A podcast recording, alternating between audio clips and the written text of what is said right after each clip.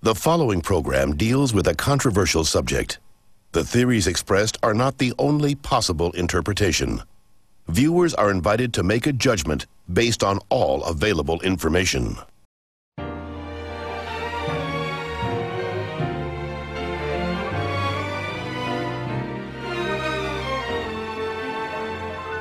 Este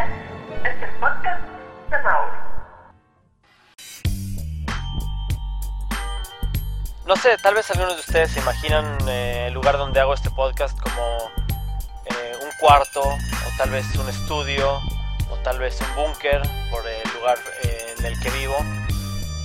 No sé, no sé qué es lo que se imaginan en cómo es mi, mi estudio de grabación, pero lo van a descubrir, se los prometo.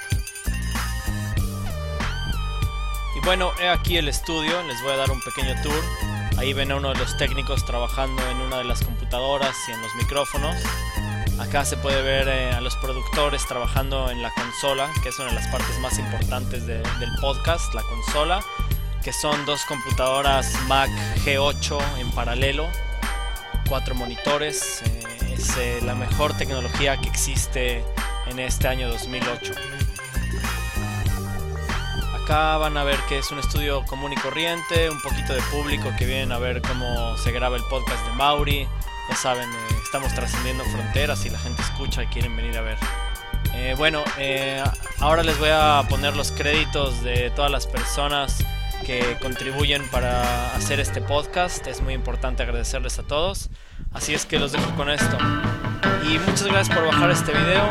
Sigan bajando el podcast de Mauri y hasta la próxima.